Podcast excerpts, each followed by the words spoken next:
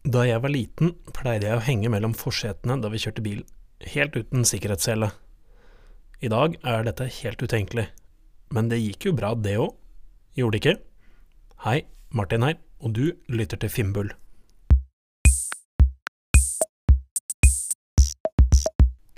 Jeg husker godt hvordan jeg hang mellom forsetene i vår Ford Escort da jeg var liten.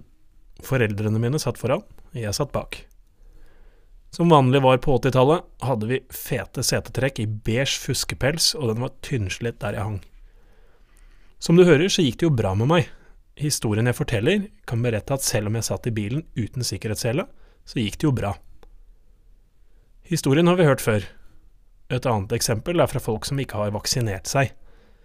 Der står de, og de forteller deg at det har jo gått bra, til tross for at de ikke har tatt vaksiner, har de ikke? Fellesnevneren for disse to eksemplene er at de som forteller dem, lider av det vi kaller survivorship bias. Man forledes til å tro at fordi det gikk bra med dem som greide seg, så går det bra med alle, og det er selvfølgelig ikke tilfellet. Det finnes mange forskjellige former for bias.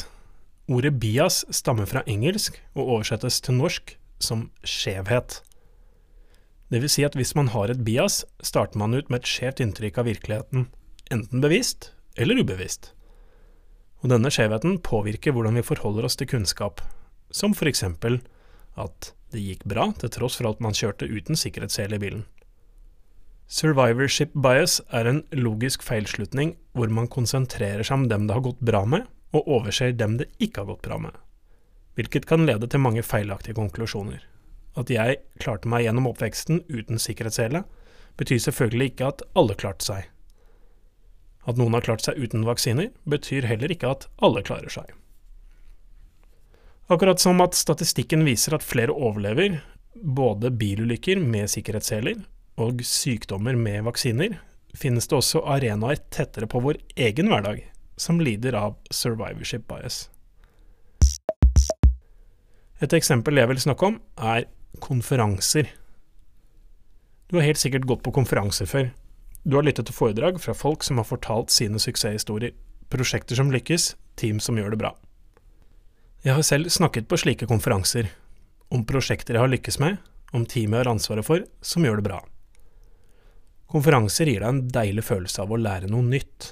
Folk forteller om ting de har lykkes med, og du vil gjerne ta med deg erfaringene deres hjem.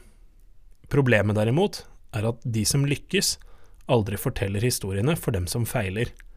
At prosjekt X har lykkes med f.eks. en gitt prosjektmetodikk, betyr ikke at prosjekt Y vil lykkes med den samme metodikken. Å ta med seg andres erfaringer hjem er ingen garanti for at du selv vil lykkes når du forsøker å gjenbruke erfaringene. Det betyr ikke at man ikke skal lytte til historiene som fortelles, men det betyr heller ikke at historiene som fortelles, er gyldig kunnskap og en garanti for å lykkes. Selv går jeg sjeldnere på konferanser enn før, ikke fordi jeg ikke tror på historiene som blir fortalt, men fordi jeg vet hvor fjern min egen virkelighet er fra den som deles. Jeg har ikke de samme folkene, jeg lager ikke de samme tjenestene. Min hverdag ser helt annerledes ut. Når jeg går på konferanser, så er det av andre årsaker, eksempel elsker jeg bakgrunnshistorier, alle feilene som har blitt gjort, og all strikk og binders som befinner seg bak velkjente tjenester. Ikke fordi jeg tenker å ta med meg erfaringene hjem, men bare fordi jeg liker historien. Eller går på konferanser for å forstå trender i markedet gjennom gyldig statistikk eller forskning og eksperimentering. Den kanskje største verdien i å gå på konferanser, for min del, er å treffe andre folk. Hvilke utfordringer har de, hvilke utfordringer har jeg, og kan vi løse dem sammen? Jeg liker også konferanser hvor man snakker om hvordan man korrigerer for forskjellige bias. Har du lest boken Thinking Fast and Slow av Daniel Kahneman, så har du lest om hvordan hjernen holder deg for narr. Hjernen din er forhåndsprogrammert til å gi deg kjappe og enkle svar på kompliserte spørsmål. Det er et overlevelsesinstinkt. Hva er det som rasler borti buskene der? Best å løpe, det kan være en bjørn eller et spøkelse. Men selv om hjernen er en luring, så kan hjernen lures. Daniel Kahnmann snakker om system 1 og system 2. System 1 er forhåndsprogrammert til å være trigger-happy og gi raske, og ofte feilaktige, svar. System 2 derimot tar over der det ikke foreligger noe raskt svar, og du faktisk må tenke. Og det er her vi må bruke anledningen. Når anledningen byr seg, så kan vi sette opp et eksperiment. Det er derfor jeg elsker eksperimenter. Et eksperiment er en test du kan sette opp for å teste en påstand. Slik fungerer den vitenskapelige metode, og slike metoder kan vi ta med oss inn i utvikling av nye produkter og tjenester. Vi skal snakke mer om eksperimenter i en senere episode av Finnbull.